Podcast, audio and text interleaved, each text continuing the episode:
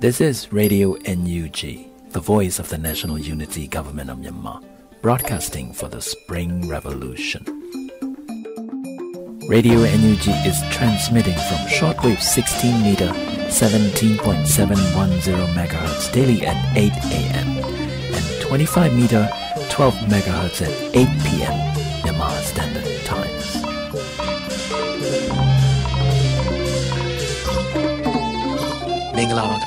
အမျိုးသားညီညွတ်ရေးအစိုးရရဲ့အသံလွှင့်ဌာန Radio NUG ကိုမနေ့၈နိုင်မှာလိုင်းဒိုမီတာ16မီတာ18.87 MHz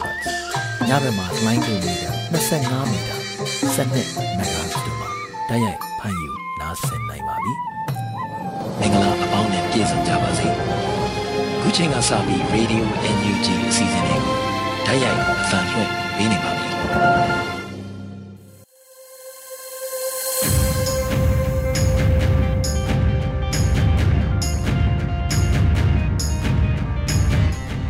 မြန်မာနိုင်ငံသူနိုင်ငံသားများအားလုံးတဘာဝပြီးစစ်အာဏာရှင်ဘေးတို့ကနေကင်းဝေးပြီးကိုယ်စိတ်နှပြကျမ်းမာလုံးချုံကြပါစေလို့ရေဒီယိုအန်ယူဂျီဖွဲ့သားများကဆုတောင်းမေတ္တာပို့သလိုက်ရပါတယ်ရှင်။ပထမဦးစွာရေဒီယိုအန်ယူဂျီရဲ့နေ့စဉ်သတင်းများကိုຫນွေဦးရွှေဝါမှတင်ဆက်ပေးမှာဖြစ်ပါတယ်ရှင်။အော်တိုဘာလ၄ရက်နေ့ရပြည်တွင်းသတင်းတွေကိုတင်ဆက်ပေးပါမယ်။သတင်းကောင်းစီတွေကတော့ လိုင်းကားကားတွေအဆက်မတန်မြင့်တက်နေမှုနဲ့ပြက်ပြက်သွားတဲ့ YBS စနစ်လက်ရှိပြည်တွင်းကုန်စည်နှုန်းတွေကြောင့်ပြည်သူတွေစားဝတ်နေရေးပုံမှုခက်ခဲလာနေသတင်းတွေကိုဆက်လက်ပြီးတော့တင်ပြပေးပါမယ်။ပထမဆုံးအနေနဲ့လိုင်းကားကားတွေအဆက်မတန်မြင့်တက်နေမှုနဲ့ပြက်ပြက်သွားတဲ့ YBS စနစ်ဆိုတဲ့သတင်းကိုတင်ဆက်ပေးပါမယ်။နေထိုင်မှုစရိတ်ကြီးမြင့်လွန်းတဲ့ရန်ကုန်မြို့ကြီးမှာပြည်သူတွေဟာ YBS ရင်လိုင်းကိုပဲအားကိုးအားထားပြုသွားလာနေရပြီးအခုဆိုရင်ကားကားတွေနှစ်ဆလောက် တိုးမြင့်ကောက်ခံနေကြောင်း သိရပါတယ်။အရင်က YBS စနစ်နဲ့ သွားလာနေစဉ်က ခရီးစဉ်တစ်ကြောင်းကို အများဆုံး300သာကောက်ခံခဲ့ပေမဲ့ အခုချိန်မှာ တဦးကို1000ကျပ်လောက်အထိ ကောက်ခံနေကြောင်း နေ့စဉ် လိုင်းကားစီးပြီး လုပ်ငန်းခွင်ဝင်နေတဲ့ ပြည်သူတဦးက အခုလို ပြောပြပါတယ်။ပုံမှန်ဆို300လောက်ပဲ ထည့်ရတာပုံထဲကို အခုကဘုံထဲလဲပေးမထည့်ဘူး အရင်ကလို မထတာရင်လိုင်းကလိုစပယ်ယာနဲ့ လာကောက်တာ အခု900တောင်ပေးရတယ် စီစေးတက်တာလဲပါတယ်လို့သူတို့လှုပ်ချင်တာလှုပ်နေတာလဲပါတာပေါ့ နောက်ဆုံးတော့ပြည်သူတွေပဲခံရတာပဲလို့သူကပြောပါတယ်ကိုဗစ်ကာလနဲ့2021ဖေဖော်ဝါရီနောက်ပိုင်းကအစလို့နိုင်ငံရေးမတည်ငြိမ်မှုတွေနဲ့အခွင့်ကောင်းယူက YBS ရင်မောင်းတချို့ဟာကားကားတွေကိုပုံမကောက်ခံလာတယ်လို့ရင်နောက်လိုက်ပါခေါ်လာပြီးတော့ရင်စည်းကားတွေကောက်ခံနေတယ်လို့အင်းစိန်မှာနေထိုင်သူကပြောပါတယ်အရင်က200အခု900ပေးရတယ်စီစေးမတက်ခင်ကလေးကကောက်နေတာစီစေးတက်လို့လည်းမဟုတ်ဘူးဘုံနဲ့ပတ်စံထည့်မယ်ဆိုတော့လဲမထည့်နဲ့လာကောက်လိုက်မယ်လို့လည်းပြောပါတယ် တဲကူကနေတင်ငန်းကျွန်းစံပြဈေးကိုတွားရောက်အလုံးလုံးကင်နေသူတဦးကတော့ပြောနေကြတာပါပဲ YBS state ဆိုရင်ရင်စည်းက2000ပေးရတာဟိုးအရင်က900ကိုဗစ်ပထမလိုင်းမှာ1000အဲ့ဒီကနေ1500အခုဆိုရင်2000ပေးရတယ်စပယ်ယာကိုတိုင်းတောင်းပြီးတော့တကယ်ထိထိရောက်ရောက်လှုပ်ချင်နေဆိုရင်စံပြဈေးကိတ်ကိုတွားဖမ်းလို့ပြောပါတယ်။လက်ယုံအလုံယုံနဲ့အလောက်ကင်ခွင်လဲများပြတဲ့ရန်ကုန်မြို့ကြီးမှာလူဦးရေလဲထူထပ်တယ်လို့ နေထိုင်စားသောက်မှုစရိတ်တွေလည်းကြီးပြင်းတဲ့အတွက်သွာလာစေလျှော့ချတဲ့အနေနဲ့ YBS ရင်လိုင်းတွေကိုပဲ ပြည်သူတွေဟာ အားကိုးအားထားပြုနေကြတာပါ အများပြည်သူတည်ယူပို့ဆောင်ရေးဝန်ဆောင်မှုတစ်ခုဖြစ်တဲ့ရန်ကုန် Bus Service YBS ရင်လိုင်းတွေကို2019ခုနှစ်ဇန်နဝါရီ16ရက်နေ့မှာရန်ကုန်မြို့မှာစတင်ပြေးဆွဲခဲ့တာဖြစ်ပါတယ်။ YBS ရင်လိုင်းတက်တန်း၄နှစ်ကြာပြီးနောက်ပိုင်းမှာတော့ခီးသွွားပြည်သူတွေဟာမထာတာရင်လိုင်းတုံးကလိုကားပေါ်မှာစပယ်ယာတွေပါလာပြီးရင်စည်းကားတွေပုံမူကောက်ခံလာတဲ့အတွက်ဝေဖန်မှုတွေမြင့်တက်လာပါတယ်။မထာတာရင်လိုင်းတွေဖြတ်သိမ်းပြီးနောက်ရင်မောင်းတချို့ကို YBS မှာရင်မောင်းတာတွေဝင်ဝန်ထမ်းတွေပြန်ခန့်လို့နေရာပေးခဲ့လို့ YBS ရင်တွေမောင်းနေရပေမဲ့အရင်မထသရင်မောင်းစိတ်သက်တွေမကုန်သေးလို့အခုလိုပြဿနာတွေဖြစ်နေတာလို့ရင်မောင်းတယောက်ကပြောပါတယ်။အခုလုပ်နေတဲ့ပုံစံကမထသတုံးကပုံစံတွေပဲစပယ်ယာထားမယ်ရင်စည်းကကိုပိုကောက်တဲ့ခီးတွေကပြန်မေးရင်ရန်ဆောင်တာမျိုး YBS ဆိုတာစပယ်ယာမရှိဘူးခီးတွေကသတ်မှတ်ထားတဲ့ရင်စည်းကကိုဘုံနဲ့ထည့်ယုံပဲလို့သူကပြောပါတယ်။ YRDA ကအေးအေးယူဆောင်ရွက်မယ်လို့ထုတ်ပြန်နေပေမဲ့လည်း YBS ရင်တချို့ကတော့လက်တလောမှာ 900 1000ကောက်ခံနေတာမျိုးတွေရှိနေတော့ပါနောက်တဲ့သတင်းတစ်ပုဒ်အနေနဲ့ကတော့လက်ရှိပြည်တွင်းကုန်စည်နှုန်းတွေကြောင့်ပြည်သူတွေစားဝတ်နေရေးပုံမှုခက်ခဲလာနေဆိုတဲ့သတင်းကိုတင်ဆက်ပေးပါမယ်။လောင်စာစီစဉ်နှုန်းမြင့်တက်မှုရဲ့နောက်ဆက်တွဲဟာစားတောက်ကုန်တွေအကုန်နီးပါးမြင့်တက်လာနေပြီးအလောက်ကင်ရှားပါလာတဲ့အတွက်ပြည်သူတွေရဲ့စားဝတ်နေရေးဟာပုံမှုခက်ခဲလာနေပြီဖြစ်ပါတယ်။ စီဈေးတွေတအားတက်လာတာကုန်ဈေးနှုန်းတွေတက်တော့ဈေးရောက်စားရတာမကိုက်တော့ဘူးကုန်ဈေးနှုန်းတွေသာဈေးတက်နေတာကိုမုတ်ကဈေးတအားတက်လိုက်လို့ရှိရင်ဝယ်စားမဲ့သူတောင်တိတ်မရှိတော့ဘူးအရင်ကတရက်ကိုမုံနှစ်ဘုံလောက်ကုန်တယ်အခုတဘုံလောက်ဖြော်ထားရင်တောင်တနေကုန်ရောင်းကုန်ဘူးဈေးရောက်မကောင်းတော့မိသားစုစားဝင်နေရေးအတွက်အဆင်မပြေတော့ဘူးလို့ရန်ကင်းဈေးမှာမုတ်လီမယားရောင်းနေတဲ့ဈေးသက်တဦးကပြောပါတယ်အင်းစိန်ဈေးတွေကကုံစုံအယောင်းဆိုင်တဦးကလည်းလောင်စာစီဈေးကတအားတက်လာတော့ တခြားကုန်စည်နှုန်းပါအကုန်တက်တယ်ကိုပြီးဖြစ်တုန်းကတက်တော်တက်တယ်သူနဲ့ဆက်ဆက်နေတဲ့ပစ္စည်းတွေလောက်ပဲတက်တာအခုအကုန်ဈေးတက်တာစားကအစအရင်ကဆိုတထုပ်ကို100အခု250နဲ့ရောင်းနေရတယ်ဝယ်တဲ့သူတွေကလည်းနေသွားတယ်ရောင်းအားထက်ဝက်လောက်ကိုကျသွားတာဝင်ဝင်နေပါနေတဲ့အချိန်ကုန်စည်နှုန်းတွေကပါတအားတက်တော့လူတွေလည်းမဝယ်နိုင်ကြတော့ဘူးကြာရင်အငယ်ပေးစိုက်တော့မဲ့ကိန်းပဲလို့သူကပြောပါတယ် အခြေခံစားသောက်ကုန်တွေဈေးအဆက်မတန်မြင့်တက်နေတာကြောင့်အခြေခံလုပ်သားတွေအတွက်ရေရှည်တောင့်ခံဖို့ဆိုတာအရန်ကိုခက်ခဲတဲ့အခြေအနေတစ်ခုကိုရောက်ရှိနေပြီဖြစ်ပါတယ်။ကျွန်တော်တို့ကတနေ့လို့တနေ့စားတွေအရင်ကနေစားလိုက်ရင်တရက်ကို9000ရရင်ညနေ15ဘူးနဲ့စီရီဝယ်ချမ်းပြီးချက်ပြုတ်စားတောက်လို့ရသေးတယ်။အိမ်ငါးကတွေပါဖယ်ရသေးတယ်အခုတော့ရတဲ့လောက်အားကနဲ့ဝယ်ချမ်းစားတောက်ဖို့တောင်မလောက်တော့ဘူးအလုတ်ကလည်းရှိတရက်မရှိတရက်ပဲကြာရင်ငတ်တော့မဲ့အခြေအနေပဲအလုံးမရှိတဲ့ရက်တွေဆိုစံပြုတ်တောက်နေရတာလို့ ပယံလှုပ်လှုပ်နေတဲ့ပြည်သူတဦးကပြောပြပါတယ်။လက်ရှိအချိန်မှာစားသုံးစီတပိတ်တာကိုအရင်က1900ကျပ်ကနေ9500အထိဈေးမြင့်တက်နေပြီးတော့ဇီယာဆန်တပြီကအရင်က1500ကျပ်ကနေပြီးတော့အခု2500ကျပ်အထိဈေးမြင့်တက်လျက်ရှိပါတယ်။အခုလိုကုန်စည်နှုန်းတွေအဆက်မတန်ဈေးတက်နေတဲ့အတွက်ကုန်ပစ္စည်းတွေရောင်းချနေရပေမဲ့အမြန်အစွန်းရရှိမှုနှဲပါတာကြောင့်အလုတ်ကင်အဆင်မပြေကြောင်းရန်ကုန်မြို့တွင်အခြေခံစားတောက်ကုန်ရောင်းချနေတဲ့ဆိုင်ရှင်တဦးကအခုလိုပြောပါတယ်။အခုလူတွေကအလုတ်ကင်ရှားပါတယ် ပတ်စံရတာလည်းနည်းတော့သူတို့ရဲ့အသုံးစရိတ်တွေကိုလျှော့ချလိုက်တာပေါ့အရင်ကဝင်ငွေရနေပေမဲ့လည်းကုန်စည်နှုန်းတက်တော့ဝယ်စားဖို့အဆင်မပြေကြတော့ဘူး။ရောင်းအားဘလောက်ပဲကောင်းကောင်းအမြင့်မတန်တော့ဘူးလို့သူကပြောပါတယ်။ငွေကြေးဖောင်းပွားမှုတွေကြောင့်ကုန်စည်နှုန်းတွေဟာလည်းကြီးမြင့်နေရတဲ့အပြင်အခုလိုစီးပွားရေးကျပ်တဲတဲ့ကာလမှာဝင်ငွေနဲ့ထွက်ငွေမမျှတာတွေကြောင့် ပြည်သူတွေရဲ့ဝမ်းစာရေးကတော့ပူပန်ရတဲ့အခြေအနေထိဖြစ်လာနေခဲ့ပါပြီ။ကိုဗစ်ကပ်ဘေးမတိုင်ခင်ကအတက်ဘက်ကိုရောက်ရှိနေတဲ့မြန်မာစီးပွားရေးအခြေအနေဟာလက်ရှိမှာတော့အကျဘက်ကိုဇက်တိုက်ထိုးဆင်းနေပြီး2021ခုနှစ်ဒုတိယ3လပတ်အတွင်းမြန်မာနိုင်ငံရဲ့အလုံးလက်မဲ့ဥယျာဉ်ဟာ1.2တန်းထိမြင့်တက်ရောက်ရှိသွားပြီဖြစ်တယ်လို့သိရပါတယ်ရှင်။ကျွန်မကတော့ຫນွေဦးရွှေဝါပါ။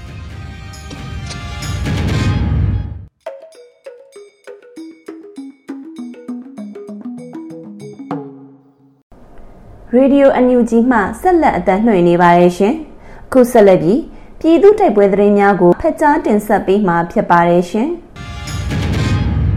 အခုအချိန်ကစပြီးတိုင်းရင်းသားညီနောင်အင်အားစုတွေပြည်သူ့ကာကွယ်တပ်မတော် PDF တပ်သားတွေနဲ့ပြည်သူလူထုတို့ရဲ့အရှိန်အဟုန်မြင့်လာတဲ့တိုက်ပွဲသတင်းတွေကိုစူးစီးတင်ဆက်ပေးသွားမှာဖြစ်ပါတယ်။ကျွန်တော်ကျော်နေဦးပါ။ပထမဆုံးအနေနဲ့ပလဲမြို့နယ်အတွင်းဝင်လာတဲ့စစ်ကောင်စီရင်တန်းအစီး80ကျော်ကို မိုင်း20လုံးခွဲပြီး PDF တိုက်ခိုက်ခဲ့တဲ့တဲ့ရင်ကိုတင်ဆက်သွားမှာပါ။စကိုင်းတိုင်းပလဲမြို့နယ်အတွင်းကိုအော်တိုဘာလ၄ရက်နေ့နံနက်ပိုင်းဝင်ရောက်လာတဲ့စစ်ကောင်စီရင်တန်းအစီး80ကျော်ကိုမိုင်း20လုံးခွဲကပလဲ PDF ကတိုက်ခိုက်လိုက်ပြီးကား၅စီးပျက်စီးကစစ်ကောင်စီတပ်သားများတေဆုံးမှုလည်းရှိခဲ့တယ်လို့ပလဲ PDF ကပြောပါတယ်။အော်တိုဘာလ၄ရက်နေ့မှာအမြောက်ကား၈စီးနဲ့ထရက်ကားများတွဲကားများပါဝင်တဲ့စစ်ကောင်စီရဲ့အစီး80ကျော်နဲ့ပလဲမြို့နယ်အတွင်းထောက်ပို့စစ်ကူအဖြစ်ဝင်ရောက်လာတဲ့ရင်တန်းကို ကမ်းတောင်ကြေးရွာအနောက်ဗတောက်ကုန်းလမ်းခွဲအလွန်ရွှေမင်းသမီးကွေခေါ်ကိုလောင်းပြိုင်ကွေမှာဘုံနဂါဥဆောင်တဲ့ပလဲပြည်သူကာကွယ်တပ်ဖွဲ့ကမိုင်း20လုံးနဲ့ဖောက်ခွဲတိုက်ခိုက်ခဲ့ရာရင်တန်းအတွင်းမှကား၅စီးပျက်စီးခဲ့ပြီးစစ်ကောင်စီတပ်သားအများအပြားတေဆုံးဒဏ်ရာရရှိခဲ့တာပါ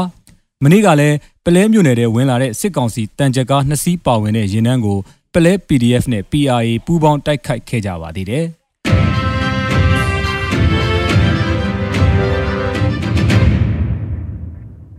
ဆက်လက်ပြီးကရင်ပြည်နယ်ကမာမောင်းမီးဘုံကြီးရွာနီးစစ်ကောင်စီရင်နှန်းကို KNL ကပစ်ခတ်တိုက်ခိုက်မှုကြောင့်စစ်ကားတစ်စီးပျက်စီးခဲ့တဲ့တဲ့ရင်ကိုတင်ဆက်ပေးမှာပါ။ကရင်ပြည်နယ်ကမာမောင်းဝါဘိုတော်လန့်ရှိမီးဘုံကြီးရွာအနီးမှာစစ်ကောင်စီရင်နှန်းကိုကရင်အမျိုးသားလွတ်မြောက်ရေးတပ်မတော် KNL ကအော်တိုဘာလ3ရက်နေ့မှာပစ်ခတ်တိုက်ခိုက်တာကြောင့်စစ်ကောင်စီကားတစ်စီးပျက်စီးသွားကြောင်းသတင်းရရှိပါရယ်။ဖအံခရိုင်ကမာမောင်းမြို့ဘက်မှပြန်လာတဲ့စစ်ကောင်စီကားနှစ်စီးကိုဝါဘိုးတော်နဲ့ကမာမောင်းလမ်းမှာရှိတဲ့မီးဘုံကြီးရွာမှာ ကရင်အမျိုးသားလွတ်မြောက်ရေးတပ်မတော် KNL တပ်ရင်း1တပ်ခွဲ2ကအော်တိုဘာလ3ရက်မနက်7:00နာရီမှာတိုက်ခိုက်ခဲ့ပါတယ်။ကားတစ်စီးပျက်စီးသွားတယ်ထိခိုက်ဒဏ်ရာရတာတော့မသိရသေးဘူးလို့ KNU သတင်းရင်းမြစ်ကရန်ကုန်ခေတ်သစ်တို့ပြောဆိုထားပါတယ်။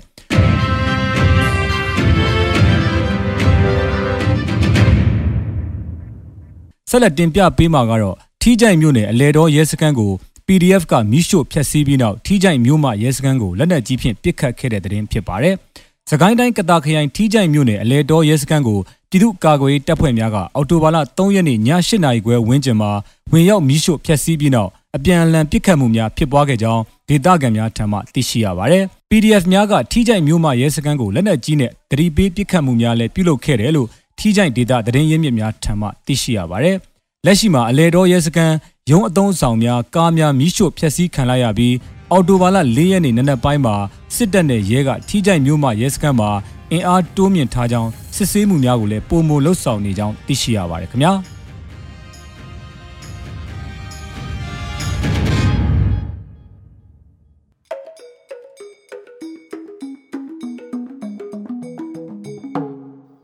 Radio NUG မှဆက်လက်အသံလွှင့်နေပါတယ်ရှင်။အခုဆက်လက်ပြီး Radio NUG ရဲ့တေဂီတာအစီအစဉ်အနေနဲ့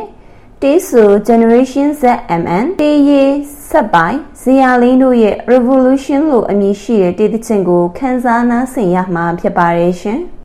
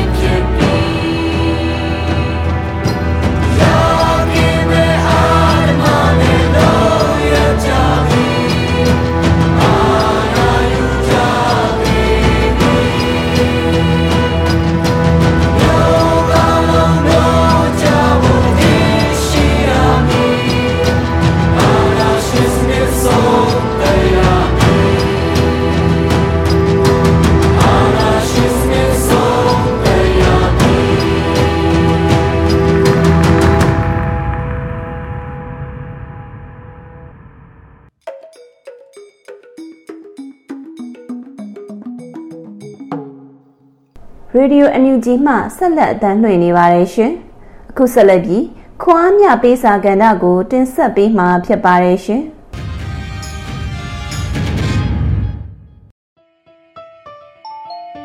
ခွန်အားမြပေးစာစီစဉ်ကနေကြိုဆိုပါရစေ။ဒီချိန်ဒီကာလမှာကျွန်တော်တို့တွေအားလုံးကိုစီကိုစီစိတ်ပင်ပန်းလူပင်ပန်းဖြစ်နေကြတယ်ဆိုပေမဲ့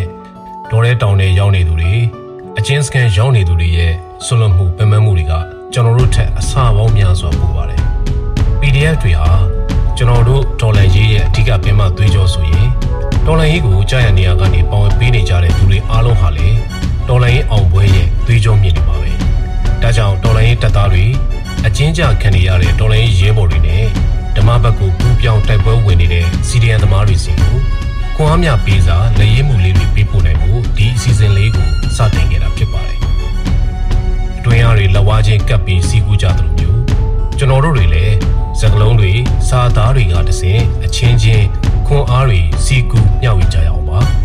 ခွန်အားမြပေးစာတွေကို PPTV ရဲ့လူမှုကွန်ရက်စာမျက်နှာ www.facebook.com PPTV မြန်မာနဲ့ NUG Support Team ရဲ့လူမှုကွန်ရက်စာမျက်နှာ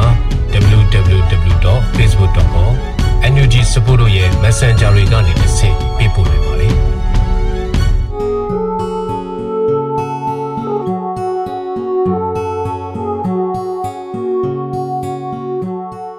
က Facebook တုံးရင်ပုံလေးတစ်ပုံတွေးလိုက်တယ်။ဂျင်စစ် PDF လူငယ်လေးတယောက်စီယူနီဖောင်းအပြည့်အစုံတနက်ကြီးလွယ်ရက်နဲ့သူ့ရဲ့ပလိုင်းလေးထဲမှာခွေးပေါက်စလေးတစ်ကောင်ကိုထည့်ခေါ်လာတဲ့ပုံလေးပါဒီပုံလေးကကျမကိုအတွေးတွေပွားစေပါတယ်ကျမတို့ရဲ့ကလေးတွေဟာစစ်အာဏာရှင်ရဲ့လူမဆန်တဲ့လောက်ရက်တွေကိုမုံတီးလွန်းလို့ပြည်သူလူထုနဲ့သူတို့ကိုယ်တိုင်ခံစားနေရတဲ့ဒုက္ခတွေကိုဖယ်ရှားပစ်ချင်လွန်းလို့ စစ်အာဏာရှင်ကို အမြင့်ဖြတ်ချင်လွန်းလို့ဒေါ်ရဲဝင်လက်နက်တွေကိုင်တော်လှန်ဖို့လမ်းကိုရွေးခဲ့ကြပေမဲ့သူတို့ရဲ့စိတ်ကလေးတွေကဘယ်လောက်တောင်နူးညံ့ကြသလဲပေါ့ဒီအာနာယူမဲအောင်လှိုင်းနဲ့လက်ပါစေတစုကြောင့်စေထုံအပ်ကန်ကြတဲ့လက်တွေကလောင်သွားကန်ရမယ့်လက်တွေစာအုပ်ကန်ရမယ့်လက်တွေကွန်ပျူတာကန်ရမယ့်လက်ကလေးတွေကတနက်တွေကန်နေကြရတာ ကျမရဲ့ဒူလေးတယောက်အပါဝင်မှာပဲဒူလေးနဲ့တကွ PDF လေးတို့ရဲ့စစ်အာဏာရှင်စနစ်ကို အမြင့်ဖြတ်ချေမုံဖို့အတွက်အခြေအနေအရလက်နက်ကင်နေကြရပါမယ်။နူးညံ့သိမ်မွေ့နေစေစိတ်တက်ကလေးတွေကို လေးစားဦးညွတ်စွာနဲ့ဒီစာကိုရေးလိုက်ပါတယ်။အရေးတော်ပုံအောင်ရမည်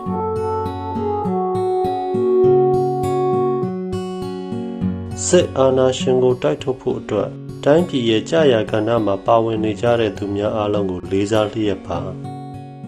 အားလုံးကျမ်းမာရေးကျူးဆိုင်ကြပါနော်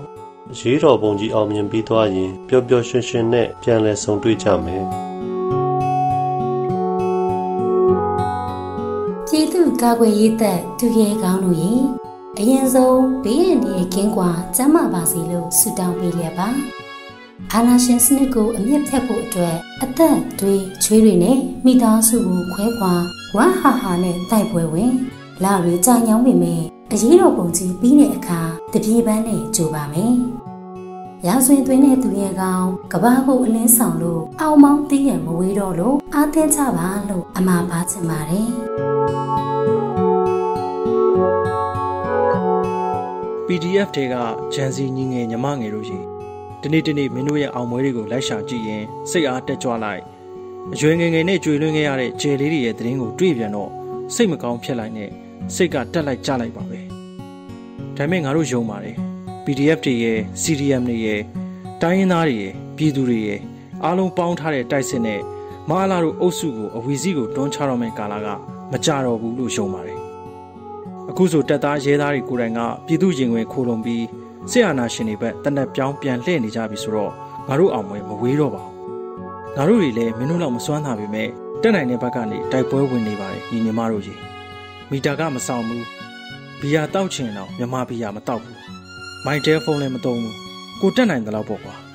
နိုင်ငံရဲ့အနာဂတ်မင်းတို့လိုလူငယ်တွေကိုပြစ်မဲ့တနက်ဖိုးကြီးစံဘိုးတွေလျှော့လာအောင်ဒရက်တအားပါဝင်နေပါတယ်ငါတယောက်တည်းမဟုတ်ပါဘူးပြည်သူတွေအားလုံးပါပဲဒီစစ်ကောင်စီကိုဒီတစ်ခေါက်တော့ အမြင့်ပြုတ်တဲ့အထိအတူတူတိုက်ကြမယ်ကွာဂယုဆိုင်ကြပါမင်းတို့ရဲ့ရဲဘော်ရဲဘက်အကုန်ဒီဒုက္ခဆက်တွေ့တဲ့နေ့မှစ၍နေတိုင်းသစ္စာပြုကဆူတောင်းသစ္စာဆိုပြီးလူအားရောငွေအားပါနိုင်တဲ့လောက်ပါဝင်ခဲ့ပါတယ် PDF သူရဲကောင်းတွေကတော့ကျေးဇူးအနန္တထာဝရပြည်သူသွေးသားပါဖတ်ဖို့ခဲ့တဲ့စာတပုတ်လို10မိနစ်လောက်တောင်းခံရအောင်ရေးတော့ပုံ အောင်တော့မြည်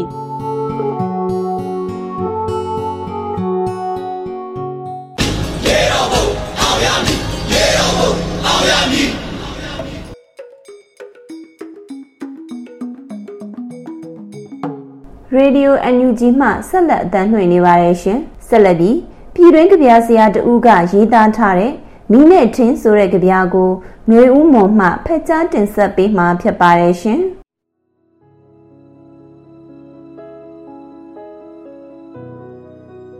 မီးနဲ့ထင်းသူရဲကောင်းတွေကများလွန်းတော့ထင်းမုံကောင်းချရဲ့ထင်းမုံနှန်းဟာရှည်လျားလွန်းတာခမားမြင်မြင်နေရမှာဒါမဟာတယောကြီးခိုင်းနေတာလူကိုခွေးသက်လေခြင်းဆိုတာမဆုံးနိုင်အောင်တတောင်တောင်မြည်နေတဲ့ခေါင်းလောင်းတန်ဘယ်စစ်ဘရင်ထက်မဆိုဘုံညံသားတဲ့ဒေါသားတွေဟာ ဘယ်စစ်ပွဲထက်မဆိုရုံညက်အောက်တန်းကြတဲ့စစ်ပွဲရဲ့ရန်တမ်းပစ်ခတ်တဲ့ကြီးစံတွေမှာအရက်သားတွေရောတော်လန်ရင်အလံရင်မာစိုက်ထူထားတဲ့လူချက်လူတွေပါရေပြန့်လွင်မြင်ကမီးခိုးတန်းတွေနဲ့တောင်တန်းမော်ကစူတက်လာတဲ့ပုံငွေတွေမှာငါတို့ဟာတော်လန်ရေးအတွက် လုံလောက်တဲ့မီလီယံတွေကိုပေးခဲ့ပြီတဲ့ငါနဲ့ငါကြပြတွေကရောအယောင်တင်စီရွှဲရွှဲလိမ့်ထားတဲ့အေကန်းနိုင်ရန်တွေများလားဘီတာတချင်းတစ်ပုတ်ထဲကလို့နော်ဝေသသားကိုထင်းဆိုင်ပြရမှာလားရုပ်မှာအေးဆက်တဲ့ဒီတရောကြီးကာလမှာကိုလူတွေအနှွေးလေးတစ်စရစေဖို့ ရုပ်ဆွအစုံညတရသူရဲကောင်းတို့နောက်ဆုံးခီးမှာပြီးပူဇော်ခွင့်ယူလိုက်ဖို့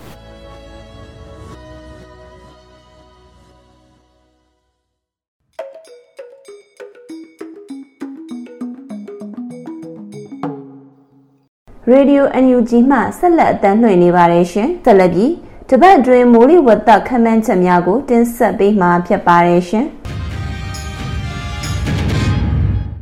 ရတတပတ်မိုးလေဝသခန့်မှန်းချက်2021ခုနှစ်အောက်တိုဘာလ4ရက်နေ့မှ10ရက်နေ့အထိမိုးလေဝသအခြေအနေယခုတစ်ပတ်အတွက်အလေးထားတင်ပြလိုသည်မှာမုတ်တုံအခြေအနေမုတ်တုံမိုးအခြေအနေနဲ့မိုးလေကာလအတွင်းဖြစ်ပွားနိုင်တဲ့မိုးကြီးခြင်းရေကြီးရေရှမ်းခြင်းရေတိုက်စားမြေပြိုခြင်းနဲ့မုတ်တုံလေအားပြတ်ခြင်းစတဲ့အခြေအနေတွေပဲဖြစ်ပါတယ်။ကာလလ15ရက်စာခန့်မှန်းချက်များနဲ့ရက်ရှည်ခန့်မှန်းချက်များအပေါ်စမ်းစစ်လေ့လာကြည့်ရမှာ မိုးနှောင်းကာလစက်တင်ဘာအောက်တိုဘာ၏ဒုတိယလဖြစ်တဲ့အောက်တိုဘာလလာမယ့်ရက်သက်တစ်ပတ်အတွင်းဘင်္ဂလားပင်လယ်အော်အလဲပိုင်းနဲ့အနောက်တောင်ပိုင်းတို့မှာမကြာခဏဖြစ်ပေါ်လာမယ့်လေဖိအားနဲ့ရေဝန်းများကြောင့်အနောက်တောင်မုတ်တုံလေအင်အားတိတ်မကောင်းတော့လေတပြီလုံးမှာကွက်ကြားမိုးရွာနိုင်ပါတယ်။ယခုရက်သက်တစ်ပတ်အတွင်းမိုးအားရောကျလာတော့လေအိန္ဒိယအနောက်မြောက်ပိုင်းဘက်တွင်မုတ်တုံလေဟာအောက်တိုဘာလ6ရက်မှာဆုတ်ခွာလာနိုင်သဖြင့်မြန်မာဘက်တွင်မုတ်တုံဆုတ်ခွာမှုရရှိနိုင်ပါတယ်။အ ထူးသဖြင့်မြန်မာနိုင်ငံအောက်ပိုင်းဒေသများမှာမိုးပိုလာနိုင်ပါတယ်။ပဲခူးတိုင်းရန်ကုန်တိုင်းမွန်ပြည်နယ်နဲ့တနင်္သာရီတိုင်းရှိဒေသအချို့မှာနေရာကွက်၍မိုးကြီးနိုင်ပါတယ်။ယခုနှစ်သတိပြုရမှာလာနီညာဖြစ်စဉ်တက်ရောက်မှုကို2021ခုနှစ်အောက်တိုဘာလမှစတင်ဖြစ်ပေါ်ကြုံတွေ့နိုင်ပြီးမုတ်တုံလေဆုတ်ခွာမှုကိုအဟန့်အတားဖြစ်စေတဲ့အရှိလေဝေလိုင်းများနဲ့မုန်တိုင်းငယ်များကြောင့်အာရှတိုက်တောင်ပိုင်းနဲ့မြန်မာနိုင်ငံတောင်ပိုင်းဒေသများတွင်အချိန်အခါမဟုတ်မိုးများရွာသွန်းနိုင်မှာကြောင်းကြိုတင်အသိပေးအပ်ပါတယ်။ အော်တိုဘာလ၄ရက်နေ့အတွက်ခန့်မှန်းချက်ဘင်္ဂလားပင်လယ်အော်အနောက်တောင်ပိုင်းတွင်လေပွေလိုင်းတစ်ခုထပ်မံဖြစ်ပေါ်လာနိုင်ပါတယ်။အနောက်တောင်မုတ်တုံလေဟာဘင်္ဂလားပင်လယ်အော်နဲ့ကပလီပင်လယ်ပြင်တို့မှာအားအသင့်အင့်ရှိနိုင်ပါတယ်။မိုးအခြေအနေမှာချင်းပြည်နယ်၊စကိုင်းတိုင်း၊ကချင်ပြည်နယ်၊ရှမ်းပြည်နယ်နဲ့ကယားပြည်နယ်တို့မှာနေရာစိတ်စိတ်ရခိုင်ပြည်နယ်၊အေရီတိုင်း၊ရန်ကုန်တိုင်း၊နေပြည်တော်၊ကရင်ပြည်နယ်၊မွန်ပြည်နယ်နဲ့ တနင်္သာရီတိုင်းတို့မှာနေရာကျကျနဲ့စံဒေသများမှာတော့နေရာကွက်ကြားမိုးထစ်ချုံရွာနိုင်ပါတယ်။မြမပင်လယ်ပြင်မှာအနောက်ဘက်မှလေဟာတနအီလ10မိုင်မှ15မိုင်အထိတိုက်ခတ်နိုင်ပြီးလိုင်းအထင်အထင်ရှိနိုင်ပါတယ်။အော်တိုဘာလ9ရက်နေ့အတွက်ခမန်းချက်ဘင်္ဂလားပင်လယ်အော်အနောက်တောင်ပိုင်းတွင်ဖြစ်ပေါ်နေတဲ့လေပွေလိုင်းဟာသီရိလင်္ကာနိုင်ငံဘက်သို့ရွေ့လျားနိုင်ပါတယ်။အနောက်တောင်မုတ်တုံလေဟာဘင်္ဂလားပင်လယ်အော်နဲ့ကပလီပင်လယ်ပြင်တို့မှာအားအထင်အထင်ရှိနိုင်ပါတယ်။မိုးအခြေအနေမှာ ချင်းပြည်နယ်၊စကိုင်းတိုင်း၊ကချင်ပြည်နယ်၊ရှမ်းပြည်နယ်နဲ့ကယားပြည်နယ်တို့မှာနေရာစိတ်စိတ်ရခိုင်ပြည်နယ်အေရရီတိုင်းရန်ကုန်တိုင်းမကွေးတိုင်းမန္တလေးတိုင်းနေပြည်တော်ကရင်ပြည်နယ်မွန်ပြည်နယ်နဲ့တနင်္သာရီတိုင်းတို့မှာနေရာကျကျနဲ့ကြံဒေသများမှာတော့နေရာကွက်ကြားမိုးထစ်ချုံရွာနိုင်ပါတယ်မြမပင်လယ်ပြင်မှာအနောက်ဖက်မှလေဟာတနအီလ10မိုင်မှ15မိုင်အထိတိုက်ခတ်နိုင်ပြီးလှိုင်းအထင်အထင်ရှိနိုင်ပါတယ်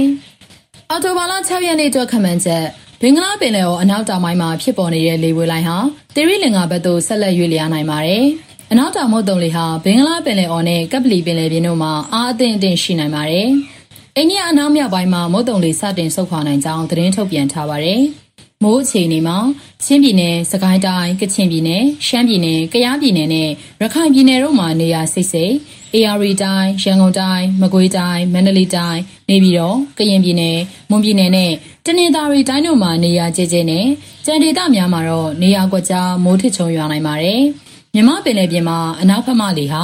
တနအီလ10မိုင်မှ15မိုင်အထိတိုက်ခတ်နိုင်ပြီးလိုင်းအထင်အထင်ရှိနိုင်ပါတယ်။အော်တိုဘာလ9ရက်နေ့အတွက်ခမှန်ချက် တိရိလင်္ကာနိုင်ငံပေါ်တွင်ဖြစ်ပေါ်နေတဲ့လေဝင်လိုင်းဟာအိန္ဒိယနိုင်ငံဘက်သို့ဆက်လက်ရွေ့လျားနိုင်ပါတယ်။အနောက်တောင်မုတ်တုံလေဟာဘင်္ဂလားပင်လယ်အော်နဲ့ကပ်ပလီပင်လယ်ပြင်တို့မှာအားအသင့်အင့်ရှိနိုင်ပါတယ်။မိုးအခြေအနေမှာချင်းပြည်နယ်၊စကိုင်းတိုင်း၊ကချင်ပြည်နယ်၊ရှမ်းပြည်နယ်နဲ့ရခိုင်ပြည်နယ်တို့မှာနေရာစိတ်စိတ်ရန်ကုန်တိုင်း၊မကွေးတိုင်း၊မန္တလေးတိုင်း၊နေပြည်တော်၊ကရင်ပြည်နယ်၊မွန်ပြည်နယ်နဲ့တနင်္သာရီတိုင်းတို့မှာနေရာကျကျနဲ့ကြံဒေသများမှာတော့နေရာကွက်ကြားမိုးထစ်ချုံရွာနိုင်ပါတယ်။ မြမပင်လယ်ပြင်မှာအနောက်ဘက်မှလေဟာတနအီလ10မိုင်မှ15မိုင်အထိတိုက်ခတ်နိုင်ပြီးလိုင်းအထင်အထင်ရှိနိုင်ပါတယ်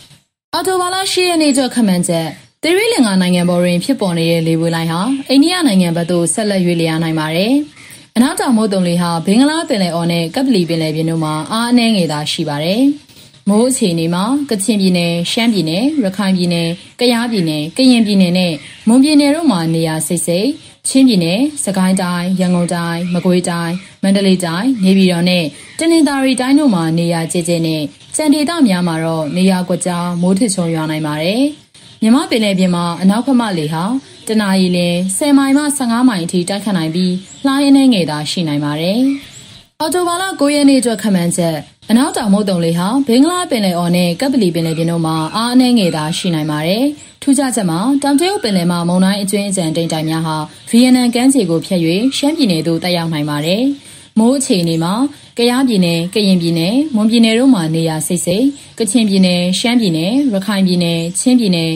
စကိုင်းတိုင်း၊ရန်ကုန်တိုင်း၊မကွေးတိုင်း၊မန္တလေးတိုင်း၊နေပြည်တော်နဲ့တနင်္သာရီတိုင်းတို့မှာနေရာကျကျနဲ့ ကြံဒေသများမှာတော့နေရာကွက်ကြားမိုးထစ်ချုံရွာနိုင်ပါတယ်။မြမပင်လယ်ပြင်မှာအနောက်ဘက်မှလေဟာတနအီလ10မိုင်မှ15မိုင်အထိတိုက်ခတ်နိုင်ပြီးလှိုင်းအနှဲငယ်သာရှိနိုင်ပါတယ်။အော်တိုဘာလ10ရက်နေ့အတွက်ခန့်မှန်းချက်အနောက်တောင်မုတ်တုံလေဟာဘင်္ဂလားပင်လယ်အော်နဲ့ကပ်ပလီပင်လယ်ပြင်တို့မှာအားအနှဲငယ်သာရှိနိုင်ပါတယ်။ထူးခြားချက်မှာတန်တရုတ်ပင်လယ်မှာမုန်တိုင်းအကျွင်းအကျန်တိမ်တိုင်များဟာဗီယက်နမ်ကမ်းခြေကိုဖြတ်၍ရှမ်းပြည်နယ်အရှေ့ပိုင်းတွင်မိုးရွာစေနိုင်ပါတယ်။ မိုးအခြေအနေမှာရန်ကုန်တိုင်း၊အေရီတိုင်း၊ကယားပြည်နယ်၊ကရင်ပြည်နယ်နဲ့မွန်ပြည်နယ်တို့မှာနေရာစိတ်စိတ်ကချင်ပြည်နယ်၊ရှမ်းပြည်နယ်၊ရခိုင်ပြည်နယ်၊ချင်းပြည်နယ်၊စကိုင်းတိုင်း၊မကွေးတိုင်း၊မန္တလေးတိုင်း၊နေပြည်တော်နဲ့တနင်္သာရီတိုင်းတို့မှာနေရာကျကျနဲ့ကြံဒေသများမှာတော့နေရာကွက်ကြားမိုးထစ်ချုံရွာနိုင်ပါတယ်။မြမပင်လယ်ပြင်မှာအနောက်ဘက်မှလေဟာတနအီလ10မိုင်မှ15မိုင်အထိတိုက်ခတ်နိုင်ပြီးလှိုင်းအနှဲငယ်သာရှိနိုင်ပါတယ်။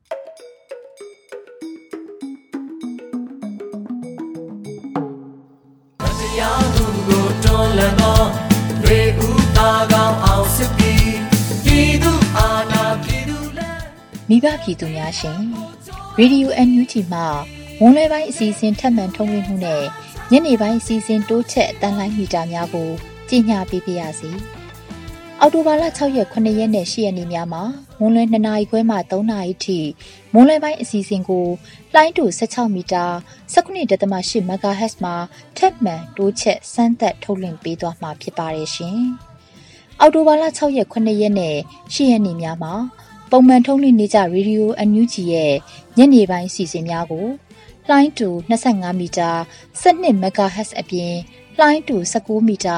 15.565 MHz မှာလည်းတပြိုင်နက်တည်းစမ်းသပ်ထုတ်လွှင့်သွားမှာဖြစ်ပါတယ်ရှင်။နားတော်တာရှင်များအနေနဲ့တိုးချက်ထုတ်လွှင့်မှုများပေါ်ဖမ်းယူနားဆင်နိုင်မှုအခြေအနေတွေကို Radio NUG ရဲ့ Facebook စာမျက်နှာမှာမှတ်ချက်ရေးသားရေးဖြစ်စေ Messenger မှာဖြစ်စေ ပြန်လည်အတည်ပြုနိုင်ကြပါတယ်။ဒီကနေ့တော့ဒီညနဲ့ပဲ Radio NUG အစီအစဉ်လေးကိုကိတ္တရန်နာလိုက်ပါမယ်မြန်မာစံတော်ချိန်မနေ့၈နာရီညနေ၈နာရီတို့မှာပြန်လည်တွေ့ဆုံကြပါစို့ Radio NUG ကိုမနက်၈နာရီမှာလှိုင်းဒိုမီတာ16မီတာ19.87 MHz ညဘက်မှာလှိုင်းဒိုမီတာ25မီတာ12 MHz တို့မှာတိုက်ရိုက်ဖမ်းယူနားဆင်နိုင်ပါပြီ။ မြန်မာနိုင်ငံသူနိုင်ငံသားများကိုယ်စိတ်နှပြချမ်းမာချမ်းသာလို့ဘေးကင်းလုံခြုံကြပါစေလို့ Radio NUG အဖွဲ့သူအဖွဲ့သားများဆုတောင်းပေးလိုက်ပါတယ်အမျိုးသားညီညွတ်ရေးအစိုးရရဲ့ဆက်သွယ်ရေးသတင်းအချက်အလက်နဲ့ဤပညာဝန်ကြီးဌာနကထုတ်လွှင့်နေတဲ့ Radio NUG ဖြစ်ပါတယ်။ San Francisco Bay Area ခြေဆိုင်မြန်မာမိသားစုများနဲ့နိုင်ငံတကာကစေတနာရှင်များလုံအားပေးများရဲ့ Radio NUG ဖြစ်ပါတယ်။ အရေးတော်ပုံအောင်ရမည်